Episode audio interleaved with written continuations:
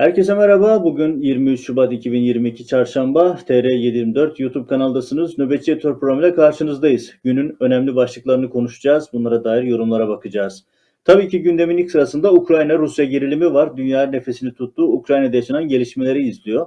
Diplomasi çok yoğun. Liderler görüşüyor. Sahada önemli gelişmeler var. Ruslar asker yığmaya devam ediyor.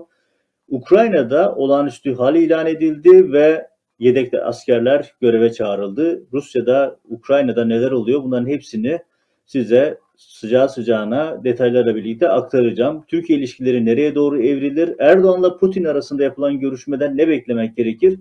Bu sorulara da cevap bulacağız. Bültenimiz içerisinde Kiev'e bağlanacağız. Kiev'de uzun yıllardır Kiev'de Ukrayna'yı takip eden gazeteci meslektaşımız Yunus Erdoğdu bize Kiev'den, meydandan gelişmeleri canlı olarak aktaracak. Orada neler oluyor? O hal uygulaması neyi beraberinde getirdi? Ukrayna neler konuşuluyor? Gündemi sıcağı sıcağına yerinden bizzat Kiev meydanından size aktarmış olacağız. Bu bültenin ilerleyen dakikalarında buraya geniş bir şekilde döneceğiz. Ve Türkiye-Rusya ilişkileri konusunda Türkiye ile e, Erdoğan'la Putin arasında yapılan görüşme sonrasında yapılan açıklamalarda Erdoğan e, ne Rusya'dan ne Ukrayna'dan vazgeçeriz dedi. Cumhurbaşkanlığından yapılan açıklamalara göre Erdoğan, Ukrayna'nın bir bölgesinin işgali konusunda karşı olduklarını, ilkesel olarak karşı olduklarını anlattı. Bunların hepsini dediğim gibi bültenin içerisinde Ukrayna ile sıcağı sıcağına konuşacağız. Ben bültenin diğer başlıklarına devam edeyim. Bültenin ilerleyen aşamalarında geniş bir şekilde dediğimiz gibi Ukrayna gündemimiz oluyor.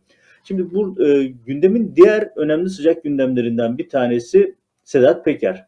Bugün Anadolu Ajansı tarafından servis edilen bir haber var.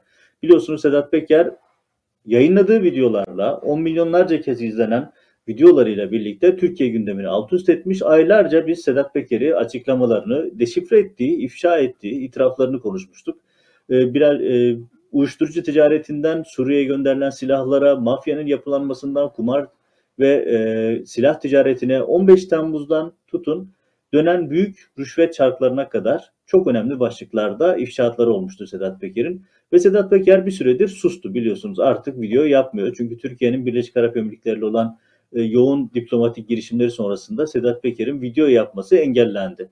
Daha sonra tweet atması da engellendi ve devamında tweetleri like etmesi ya da rate etmesi de engellendi. Artık fiilen Sedat Peker ambargo altında uzunca süredir ses çıkmıyordu. Dün Erdoğan'ın e, Birleşik Arap Emirlikleri seyahati sonrasında Sedat Peker dün bir video yayınladı. Daha doğrusu e, tesadüfen parkta eşiyle, çocuğuyla ve korumasıyla gezerken görüntülenmiş gibi bir e, görüntü o, sosyal medyaya yayıldı, internet dünyasına çıktı. Bunun anlamını bilmek için istihbaratçı olmaya gerek yok ya da uluslararası ilişkiler arasından da çok uzman olmaya gerek yok. Bu Sedat Peker ekibinin verdiği bir mesaj ve bu mesaj hala buradayız ve serbestiz, istediğimizi yapıyoruz şeklinde değerlendirilebilir.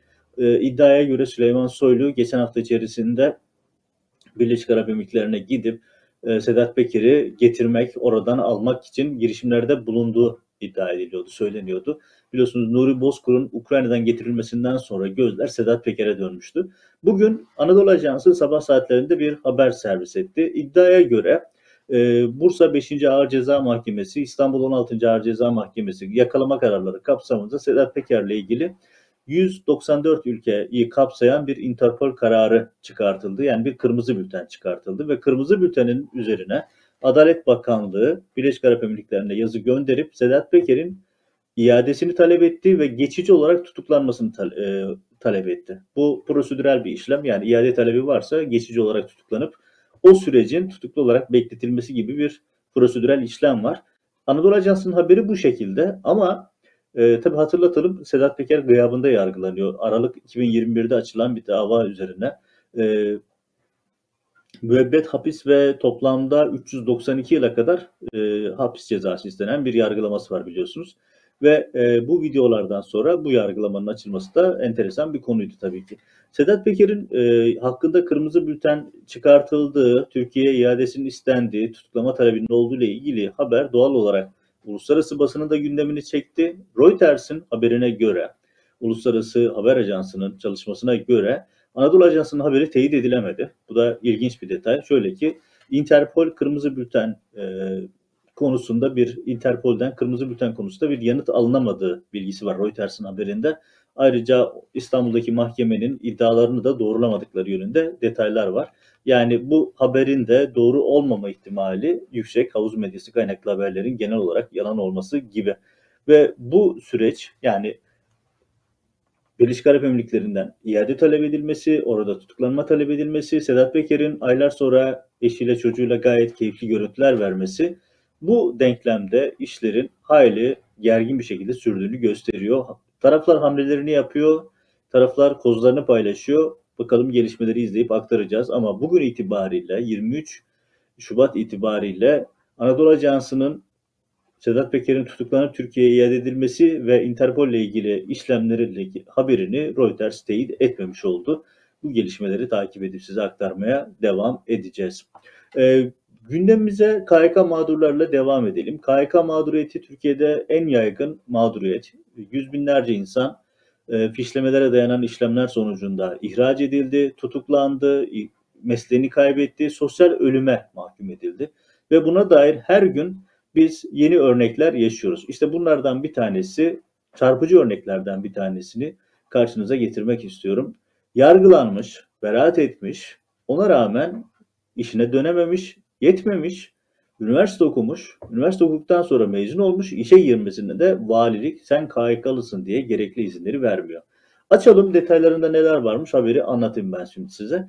Ee, 701 nolu KYK ile ihraç edilen bir vatandaş var. Kendisi sahil güvenlik komutanlığında çalışıyor. 15 Temmuz sonrasında yüz binlerce insanın yaşadığı dramı yaşıyor ve ihraç ediliyor. Yargılanıyor ve beraat ediyor. Beraat etmesi ne rağmen o hal komisyonu iade görevi görevini iade etmiyor. O da bu süre zarfında tekrar üniversite okuyor. Kocaeli Üniversitesi'nde denizcilik okuyor ve denizcilik okul 4 yıllık bölümü okuyor. Düşünün yani e, sürecin ne kadar uzun sürdüğünü bir başka delili. Ve üniversite denizcilik lisans programını tamamlıyor. işe giriyor. Kocaeli Liman'da bir işe başlıyor ama limana girebilmesi için limana giriş kartı alması gerekiyor. Valilik söz konusu başvuruyor. Siz KYK'lısınız diye iptal ediyor. Yani giriş kartı izni vermiyor. Düşünün KYK'lı diye fişlemelere dayanarak işten atılıyorsunuz. Mağduriyetiniz hat safhada. Yıllarca çözüm bulamıyorsunuz. Bu ara üniversite okuyorsunuz hani tekrardan bir eğitimle ilgili üniversite e, faaliyetinde bulunuyorsunuz ve akabinde işe giriyorsunuz. Hani bütün o ekmek aslanın ağzında, midesinde denen aşamaların hepsini geçiyorsunuz ve valilik keyfi olarak diyor ki sen KYK'lısın biz sana limana giriş izni vermiyoruz. Dolayısıyla işe de giremezsin. İşte aylardır, yıllardır anlatmaya çalıştığımız sosyal ölüme bugünün örneklerinden bu. Her gün benzeri örnekleri size aktarmaya çalışıyoruz bu bültenlerde e, yoğun bir şekilde bu dram devam ediyor. Eşleri, çocukları, aile fertleri mağdur olan insanlar her gün yeni bir aşamada yeni bir mağduriyet yaşıyorlar. İşte bu da onlardan bir tanesi. Yani haksız yere işten atılıyorsunuz. İkinci defa haksız yere işten atılıyorsunuz. Beraat ediyorsunuz. AKP yargısında, saray yargısında bile beraat etmeleri rağmen sizi görevinize iade etmiyorlar. Her şeye rağmen süreci bitirip üniversite okuyorsunuz yeniden işe giriyorsunuz ve bu sefer yeniden siz KYK'lısınız diyerek bir mağduriyet daha yaşatılıyor. Sosyal soykırım, e, özellikle Gülen cemaati mensuplarına yönelik yapılan bu uygulamanın bir soykırım olduğunu iddia ettiğimizde abarttığımızı söyleyenlere hayır kardeşim abartmıyoruz bu bir Türkiye realitesi diyen bir haber. Üzerine çok fazla yoruma bile ihtiyaç bırakmayan bir konu. Tabii Erdoğan rejiminin uygulamaları sadece Türkiye'deki gariban vatandaşı ya da Türkiye'deki sıradan insanları etkilemiyor. Son dönem e, zulüm, sansür yeni bir aşamaya geçti. İşte bunlardan bir tanesini dün Amerika Birleşik Devletleri'nde, benim de bulunduğum Washington'da Amerikan Dışişleri Bakanlığı'ndan bir açıklama geldi. Açıklama Türkiye'deki basın özgürlüğü konusundaki rahatsızlıkları dile getiriyorlardı. Ve bu çok rutin bir açıklama. Yani inanın ben haber yapma ihtiyacı bile hissetmedim. Nedeni şu çünkü artık rutine döndü. Yani Amerika sadece kaygı bildiriyor. Bugüne kadar yaptığı gibi bütün gazeteler basılması, gazetecilerin tutuklanması, e, yapılan her türlü sansür girişimlerine sadece kaygı bildirmekle kaldılar. Şimdi iş kendilerine de dokunmuş vaziyette. Şöyle ki biliyorsunuz Rütük Türkiye'de yayın yapan yabancı yayın organlarının Türkçe servislerine bir takım kısıtlamalar getirdi. Bu çalışmalar tam gaz devam ediyor. Bu kapsamda Deutsche Welle, Alman, Voice of America, Amerika Birleşik Devletleri'nden ve BBC Türkçe'nin, İngiliz kaynak BBC Türkçe'nin e, Türkçe servislerine lisans zorunluluğu getirdi. Tabi bu zorunluluktaki kasıt çok net bir şekilde hani internet ortamı, hani şöyle bir ifade edelim izleyicilerimize, lisanssız e, bir çalışma olur mu? Şimdi söz konusu olan normal bildiğimiz konvansiyonel televizyon yayıncılığı olsa evet kamu kaynaklarının düzenlenmesi açısından bu anlaşılabilir bir konu. Yani bir rütük düzenlemesi gerekir, frekans tahsisi ve benzeri konularla ilgili olarak. Ama internet ortamında böyle bir düzenlemeye gerek yok. Ve bu düzenleme bir sansür girişimi. Çünkü bu sayede Deutsche Amerikan Sesi ve özellikle Euronews gibi e, Avrupa kaynaklı e, Türkçe haberleri yani şöyle ifade edeyim. Erdoğan rejimi kontrol edemediği en ufak bir web sitesi dahi olsun istemiyor. Bu haberleri sansürleyecek ve rejimin propagandasına dönüştürecek bir ortam hazırlamaya çalışıyor. Biliyorsunuz Rütük lisans başvurusu 72 saat süre tanıdı. 2 gün geçti. Ve Amerika Birleşik Devletleri dedi ki Voice of America ve e, Welle biz bu kararı uygulamayacağız, yargıya gidiyoruz. Türk yargısında itiraz edecekler. Yani sonucun nasıl çıkacağını tahmin etmek zor değil ama süreci yargıya taşımaları da önemli bir gösterge ve yaptıkları açıklama şu. Bu e, bir sansür girişimidir. Sansüre tabi olmayı kabul edemeyiz. Bakalım Amerikan Sesi ve de Deutsche Türk yargısıyla karşılaştığı zaman Türk yargısı hakkında neler yaşayacaklar, neler görecekler. Bunu da izleyip size aktaracağız.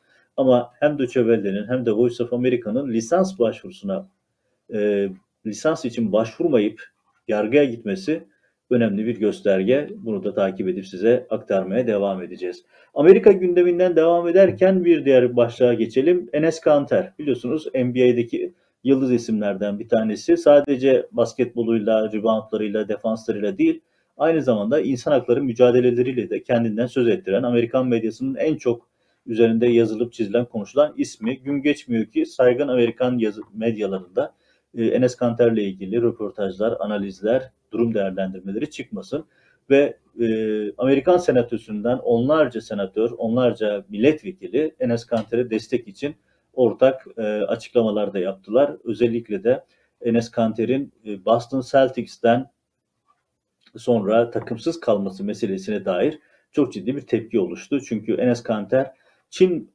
e, Çin meselesinde Uygurlara yapılan zulmü, soykırımı dikkate getirdiği, Tibet meselesini gündeme getirdiği için Çin'in yaptığı baskı sonrasında takımsız kalmıştı.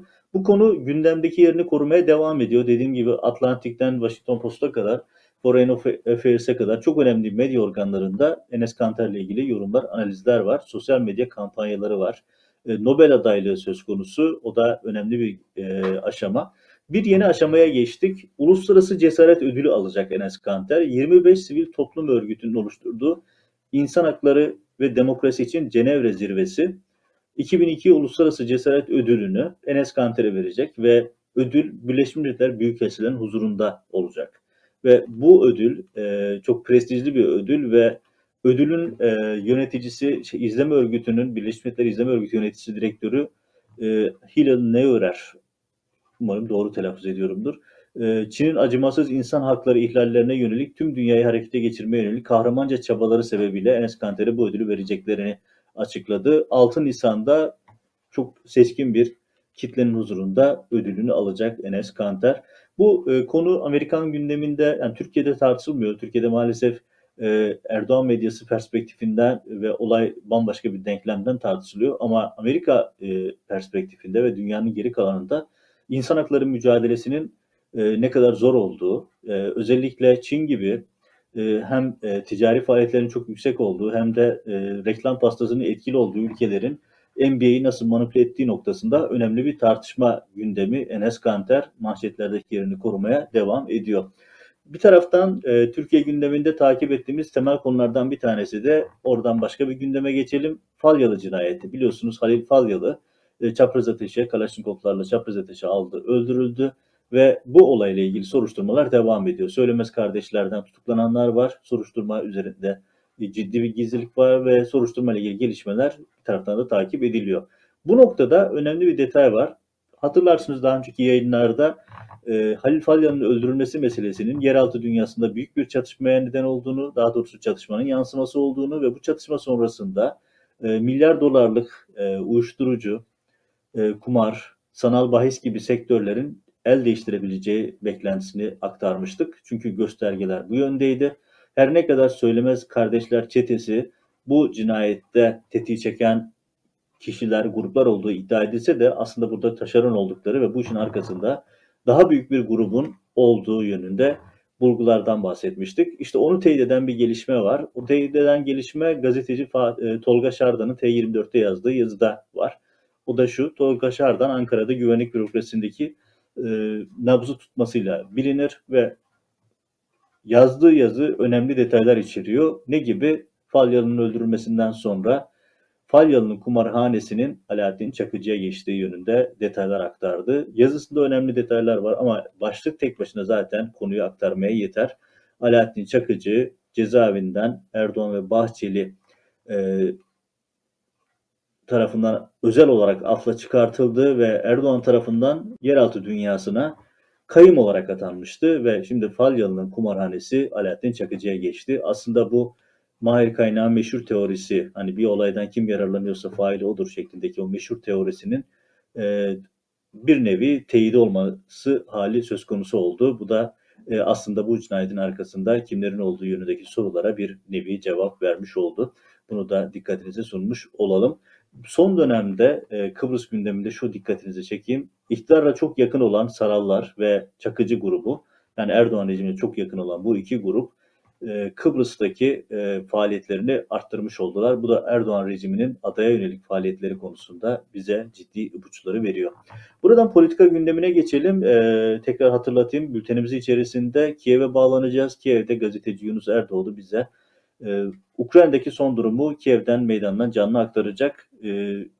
birkaç dakika içerisinde bu yayında size karşınızda olacağız. E, CHP'le e, özellikle önümüzdeki pazartesi 28 Şubat'ta yapılacak olan altılı zirve ve açıklanacak olan program, yol haritası malum siyasetin gündeminde ilk sıralardaki yerini koruyor.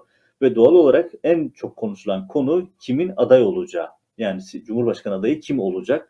Bu konuda bugün CHP cephesinden ilginç bir çıkış geldi. CHP'li Engin Altay Grup Başkan Vekili dedi ki CHP'ye oy veren herkesin gönlündeki aday Kemal Kılıçdaroğlu'dur. Son dönemde Kemal Kılıçdaroğlu'nun adaylığı üzerinde CHP çevresinde daha net e, açıklamalar, daha belirgin vurgular var. Bu da onlardan bir tanesiydi. E, diyor ki e, Engin Altay, CHP'ye oy veren ve üye olan herkesin gönlündeki aday Kemal Kılıçdaroğlu'dur. Bunun kim olacağını yani adayımızın kim olacağını eğer iktidar merak ediyorsa bunun öğrenmenin bir yolu var. Seçim ilan edin, adayımızı açıklayalım dedi. Bu aday tartışması önümüzdeki devam süreçte 6 partinin beraber yapmaya çalıştığı bir yeni ittifak modelinde en çok konuşulan konu konuşulmaya da devam edecek. Biz de bu gelişmeleri size aktarmaya devam edeceğiz. İnsan hakkı ihlalleriyle alakalı gündemlerimize bir diğer başlık. Trajik bir hikaye, trajik bir konu. Maalesef 2022-2023 Türkiye'sinde hala biz kaybedilen insanları, devlet eliyle kaybedilen insanları konuşuyoruz. Ankara'da, Türkiye'nin başka büyük şehirlerinde transporterlar, eskiden beyaz toroslar vardı. Şimdi onların yerini transporterlar aldı. MIT eliyle kaçırılan, MIT'in çiftlikteki işkence merkezine götürülüp işkence edilen ve daha sonra emniyetin önünde ortaya çıkan kayıp insanlar Türkiye gündeminin bir gerçeği haline geldi.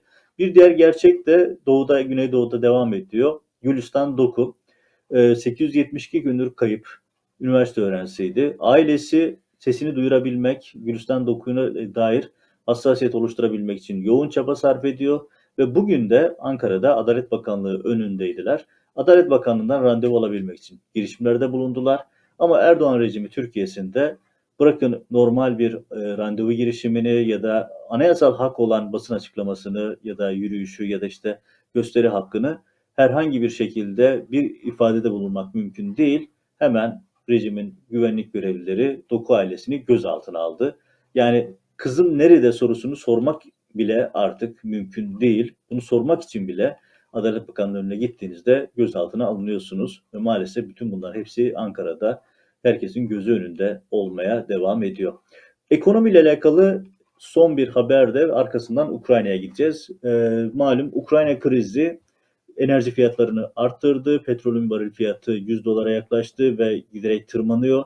Doğal olarak dünyada enerji fiyatlarında bir artış var. Biliyorsunuz geçen yıl içerisinde dünyada enerji fiyatları noktasında Türkiye bir rekor kırmıştı. Dünyada benzine, mazota en çok zam yapılan ülke Türkiye oldu ve hükümet bir yandan bu enerji girdisini nasıl ucuzlatabilirim diye, enerji maliyetlerini ucuzlatabilirim diye planlar yaparken, programlar yaparken bir taraftan yeni bir zam hazırlığı geldi. Yeni bir zam hazırlığı diyorum çünkü e, akaryakıt dağıtım şirketlerinden petrol bayilerine gönderilen bir mesaj var ve deniyor ki petrolün dolar TL kurunun artması sebebiyle hafta sonundan itibaren ciddi bir zam daha geliyor benzine ve motorine. Böylelikle Türkiye benzinde, motorinde açık ara dünya rekorunu daha da pekiştirmiş olacak. Tabii benzine motoruna zam gelmesi demek sadece benzin motorunu kullanan insanlar değil, herkesin hayatına dokunan bir şey. Çünkü her şeyin maliyeti, gideri artmış olacak. Böylelikle enflasyon, böylelikle faturalar şişmeye devam edecek. Bu da tabii siyasetin, toplumun gündeminde ana konu olmaya devam edecek. Buradan e, bağlanalım bize Ukrayna'da neler olduğunu birinci elden, yerinden aktarsın. Yunus merhaba. Merhaba, iyi yayınlar. Ee, hoş geldin. Yayınımıza katıldığın için teşekkür ederim. Ee, evet, herkesin gözü kulağı Kiev'de. Ee, senden son gelişmeleri alalım. Daha sonra detaylara geçelim. Şu anda Ukrayna'da durum artık çok daha gergin. Ee, önceki gibi değil. Önceden sadece Ukrayna Rusya yanlısı ayrılıkçılarla mücadele ediyordu e, cephe hattında. Artık cephe hattında Rus ordusu var. E, Rus bayraklı tanklar var ve bu artık halkı da tedirgin etmeye başladı. E, bugün bunun piyasadaki etkisini de gördük.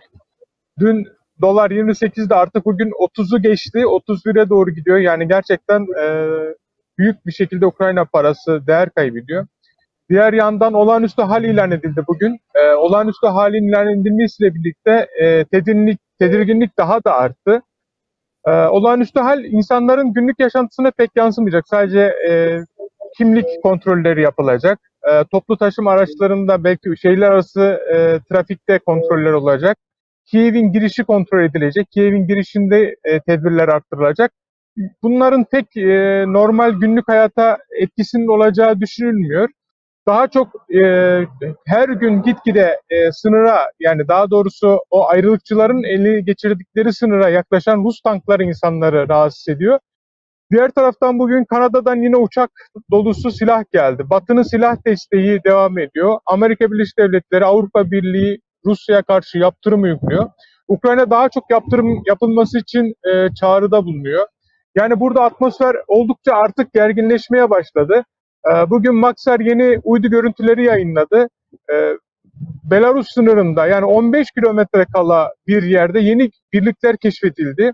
Adeta bir kuşatma altında Ukrayna'nın e, doğu cephesi, bütün doğu sınırları, güney sınırı, Belarus'tan, güneyde Kırım, e, Kırım'dan ve yine Donetsk ve Lugansk bölgesinden adeta Rusya bir kuşatma yapıyor şu anda. E, bütün cepheyi sarmış durumda. Ukrayna ordusu mukavemet gösterecek boyutta. Yaklaşık 1 milyon tane eli silahlı insan var.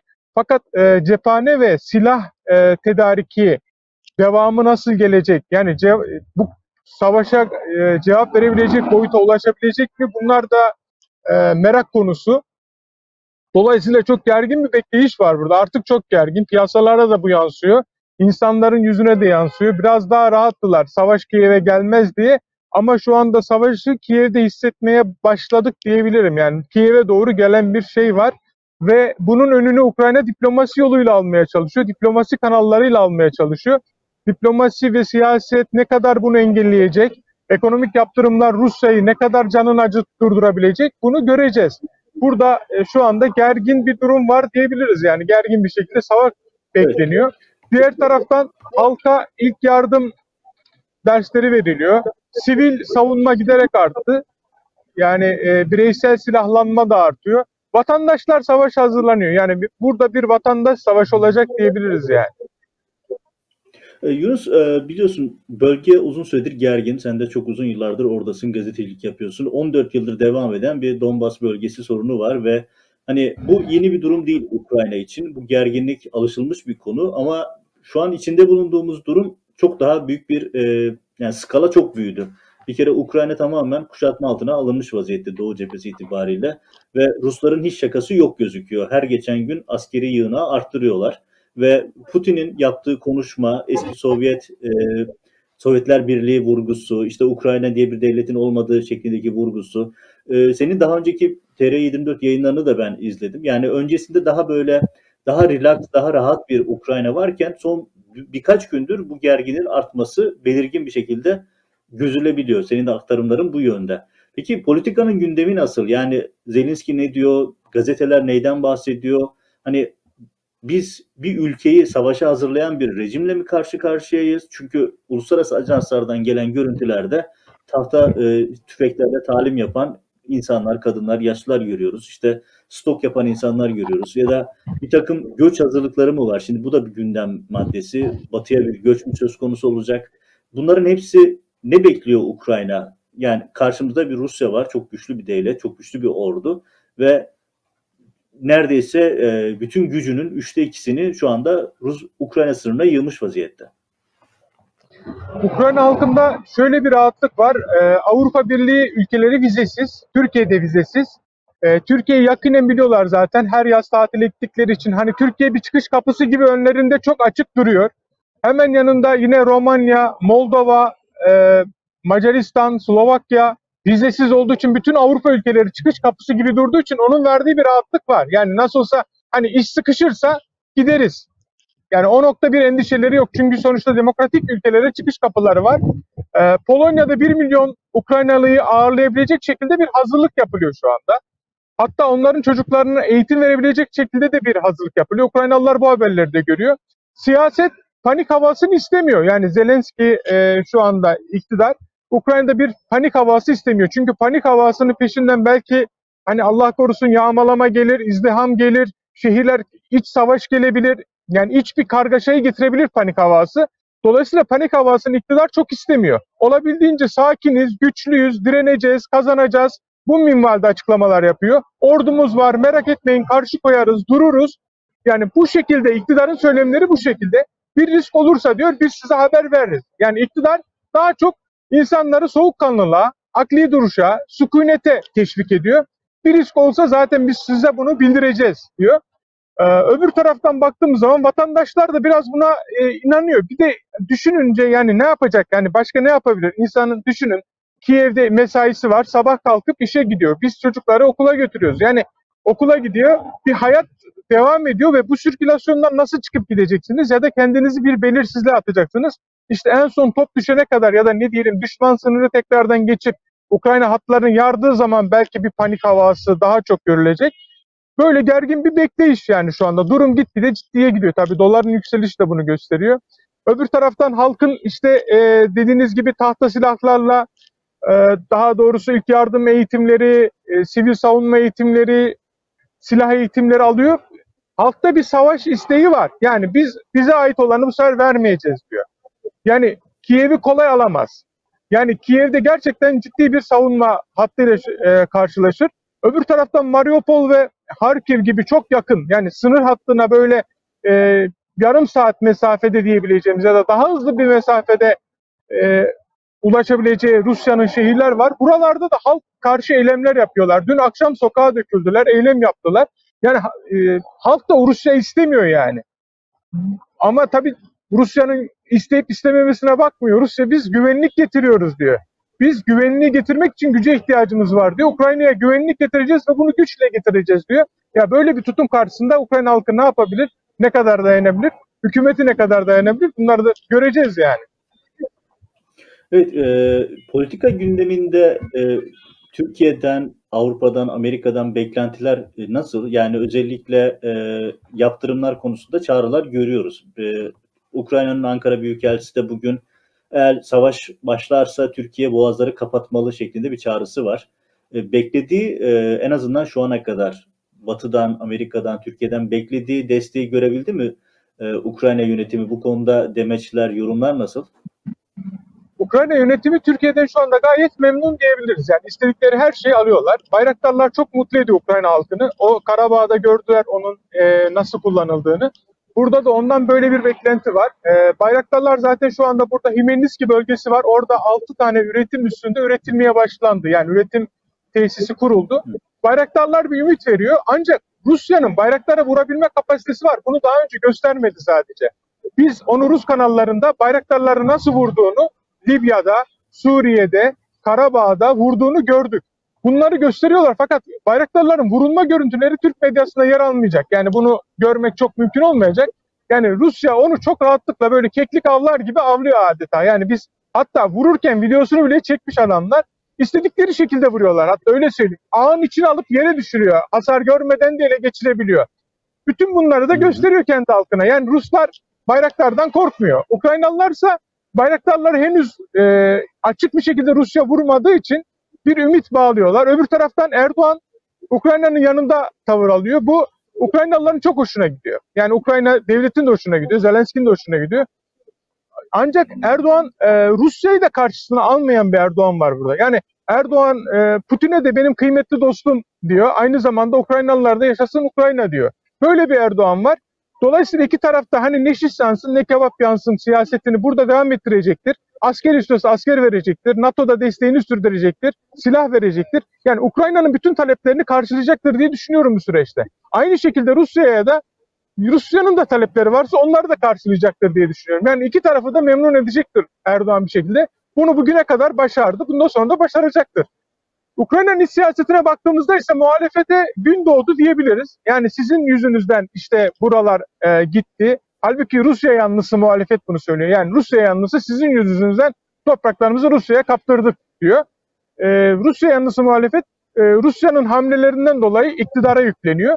İçeride de parlamentonun ana gündemi yaptırım kararları. Rusyalı iş adamlarına, orayla yani bu e, tanınan bölgeyle iş yapan insanlara tamamen yaptırımlarla alakalı ve uluslararası destek arayışındalar. Daha çok uluslararası destek arayışındalar. Amerika'dan, Avrupa'dan, parlamentolardan Rusya'nın canını acıtacak yaptırımlar bekliyorlar. İşte SWIFT var bunun içinde. O bölgelerin tanınmaması var. Bu tür bir e, diplomasi ve siyasi ayağında daha çok işe asılıyorlar, tutmaya çalışıyorlar. Bu da tedirginlik var dediğim gibi ama işte göreceğiz yani. Evet, ben de e, son olarak onu da sorayım. E, Seni daha fazla tutmayayım. Orası oldukça soğuktur. Şöyle ki, e, birçok uluslararası gözlemci meselenin e, Rusya'nın hani bir nevi e, pazurlarını gösterip e, Zelenski iktidarını devirmek ve oraya Rus yanlısı bir e, yönetim kurmak gibi bir hedefi olduğunu, aslında savaşa dönüşmeyeceğini, e, Rusların e, biraz askeri gücünü göstererek siyasi bir bir bakıma devrim yapmayı planladığı bu yönde hedefleri olduğu yönde yorumlar var. Sen de muhalefetin yaklaşımlarından bahsettin. Sen böyle bir olasılık görüyor musun? Zelenski iktidarının yerine Rus yanlısı bir muhalif e, muhalifin iktidara gelmesi ve sorunun savaşa dönüşmeden e, burada bitmesi gibi bir alternatif söz konusu mu? Şu anda bu daha da aslında belirginleşiyor. Bu dolar kuru böyle artmaya devam ettikçe, pazardaki, piyasadaki istikrar bozuldukça, insanların huzuru kaçtıkça bir süre sonra bu yani bunu tabii birkaç güne beklemek e, çok reel olmayacaktır. Belki bu birkaç gün içerisinde yani e, cephe kaynakları diyor ki birkaç gün içerisinde Rusya daha da olaylar kızıştıracak, biraz daha yüklenecek askeri olarak. Yani sınırlardan belki çatışmaların sesi sıcak çatışmaya ciddi bir şekilde dönecek. Bütün bunlar yani sıcak gelişmeler hem cephe hattındaki gerginlik zaten şu anda piyasalara yansıyor. Bu zamanla içeride halkın sesinin yükselmesine neden olabilir. Yani kısa bir süre sonra neden olabilir. Yani gitgide atmosfer gerginleşiyor. İnsanların gülen yüzleri biraz daha böyle somurtmaya başlıyor. Tabii ki bu da Zelenski iktidarını, e, iktidarı zor durumda bırakacak. Bence Rusya yani bu tercihlerden bir tanesi ama bu kadar askeri hazırlık yapmışken hani e, Ukrayna ordusunu da çok iyi biliyor. İki tarafta birbirlerini çok iyi tanıyorlar. Hazır bu kadar hazırlığı yapmışken dünya kamuoyu da nasıl olsa Rusya Ukrayna alacak diye böyle bir algı oluşmuşken saldıralım, işi bitirelim düşüncesine de girebilir. Yani bir Odessa'yı e, Karadeniz bağlantısını tamamen kesip Karadeniz'i kendi gölü haline getirecek bir harekata da girişebilir. E, yine Kırım'ın su kaynağı problemi çok yaz geliyor ve Kırım'ın en büyük sorunu suyunun olmaması. Daha önceden suyu Ukrayna'daki Dnyeper nehrinden sulama kanallarıyla elde ediyordu. Şu anda o suya erişemiyor Kırım ve çok ciddi tarımında ve e, normal yaşamında susuzluk çekiyorlar. Vatandaşa su verilemiyor. Belki yaza kadar o su kaynaklarını bile almayı düşünebilir. Ya da bu da demektir ki her son bölgesine Dnieper'e kadar gelecek demektir. Yani Rusya'nın kendi planlarını çok açıkçası bilemiyoruz. Ama her ne olursa olsun çok gergin bir sürece giriliyor. ve bu sıcak çatışmaya dönerse belki Avrupa'yı da yakacak bir duruma yani dünya savaşına da dönebilecek bir çapa gelebilir. Diğer bir şey bugün artık Ukrayna'da şu tekrardan e, görüşülüyor. Çok dikkate değer belki yaptırım açı, açısından. Ukrayna parlamentosu artık tekrardan nükleer silah üretelim dediler. Ukrayna'nın nükleer silah üretme kapasitesi var. Yani şu an isteseler üniversitede bile nükleer silah yapabilirler. Yani o altyapı var. Zaten üretiyorlardı. Sadece ara vermişlerdi. E, çünkü Rusya himaye etmişti, İngiltere İngiltere himaye etmişti ama o ülkeler saldırdılar. Dolayısıyla Ukrayna artık bu anlaşmadan çekilebilir. E, nükleer silahsızlanma açısından ve nükleer silahını hemen üretebilir. Nükleer silahının olması Rusya'yı caydırabilecek bir faktör olarak ortaya çıkacaktır. Yani hem Ukrayna'nın e, hamleleri var hem Rusya'nın hamleleri var. Bütün bunlar neye dönecek, neye evrilecek önümüzdeki günlerde göreceğiz. Şu iki gün çok önemli. Aslında Şubat'ın sonuna kadar çok önemli. Şu bir hafta çok önemli. Yani asıl ne olacaksa şu Mart'a kadar olacak deniyor bazı kaynaklar. Onu göreceğiz. Mart geldikten sonra belki biraz ateş düşer ama önümüzdeki günler çok hareketli. Ukra- Ukrayna nükleer adım atarsa bu Rusya karşısında nasıl bir tepki alır? Uluslararası kamuoyunda nasıl bir tepki alır? Bunları da göreceğiz. Evet Yunus, çok teşekkür ederiz. Ee, bölgedeki gelişmeleri senden almaya, aktarmaya devam edeceğiz. Kendine dikkat et, kolay gelsin. Sağ olun. Sağ olun. İyi yayınlar. Teşekkür ederiz. Evet, Kiev'den Yunus Erdoğdu son gelişmeleri aktardı, son analizleri bize aktardı. Biz de bu noktayla e, bu e, yayınla bültenin sonuna gelmiş olduk. Dünyanın gözü kulağı Ukrayna-Rusya gerginliğinde diplomatik çalışmalar, çabalar e, savaşa dönüşmeden engellenebilir mi bu gerginlik noktasında tam gaz devam ediyor. Erdoğan Putin'le görüştü, Erdoğan Aliyev'le görüştü. Erdoğan hem Rusya hem Ukrayna konusunda iki tarafa da sıcak mesajlar veren e, bir politika izlemeye çalışıyor. Ama net olan bir gerçek var. E, bu olağanüstü bir sürecin içindeyiz. Yeniden bir soğuk savaş mı tartışması var. Yeniden Doğu-Batı gerginlikleri hat safhaya çıkmışken Erdoğan'ın bu politikasını çok sürdürebileceğini en azından ben öngörmüyorum. Çünkü bugüne kadar Erdoğan Rusya'yı Amerika'ya, Amerika'yı Rusya'ya karşı kullanarak iki tarafı aynı anda idare ederek Türkiye'nin stratejik konumunu lehine, politikaların lehine çevirmeye çalışmıştı. Bunda kısmi başarılı da olmuştu. Ama bu artık sürdürülebilir bir noktada değil. E çünkü artık ya Rusya ya Amerika noktasında ya da Rusya ya NATO noktasında bir tercih yapmak zorunda. Tercihini hangi taraftan yana yaparsa öbür tarafın Erdoğan'ın canını acıtabilecek güçlü argümanları var. Erdoğan ilk dakikadan itibaren NATO çerçevesi içerisinde hareket edeceğini, Rusların bu özellik e, kararı alan bölgelerle ilgili tanıma kararını tanımadığını, Rusya'nın Ukrayna'nın toprak bütünlüğünü tanıdığı ile ilgili açıklaması ki Dışişleri Bakanlığı'ndan gelen açıklama hayli sert bir açıklamaydı. Buradan baktığımızda Erdoğan'ın Rusya ile ilişkileri biraz daha düşürüp daha çok batıya yanaşmaya, NATO'ya yanaşmaya yönünde bir politika izleyeceğini öngörebiliriz. Tabii burada temel bir soru karşımıza çıkıyor. O da şu. Putin bunu nasıl yaklaşacak? Putin bunu nasıl karşılayacak? Çünkü Erdoğan'ın Putin'le Rusya ile olan ilişkileri de hayli derin, tuhaf bir ilişki ağı var. Bir taraftan Kırım konusunda görüş ayrılığı, Suriye ve Libya konusunda görüş ayrılığı var ama öbür taraftan S-400 füzesi almak ya da çok önemli stratejik işte nükleer e, projeler gibi Türkiye'deki e, beraber hareket etmek hali söz konusu. E, girift bir ilişki var. Erdoğan bu ilişkileri nasıl götürecek? Bunları da önümüzdeki günlerde izleyip, analiz edip size aktarmaya çalışacağız. Evet bugün 23 Şubat'tı. Bugünün gündeminden öne çıkan başlıklar, bunlara dair yorumlar bu şekildeydi. Önümüzdeki programda görüşmek üzere, hoşçakalın.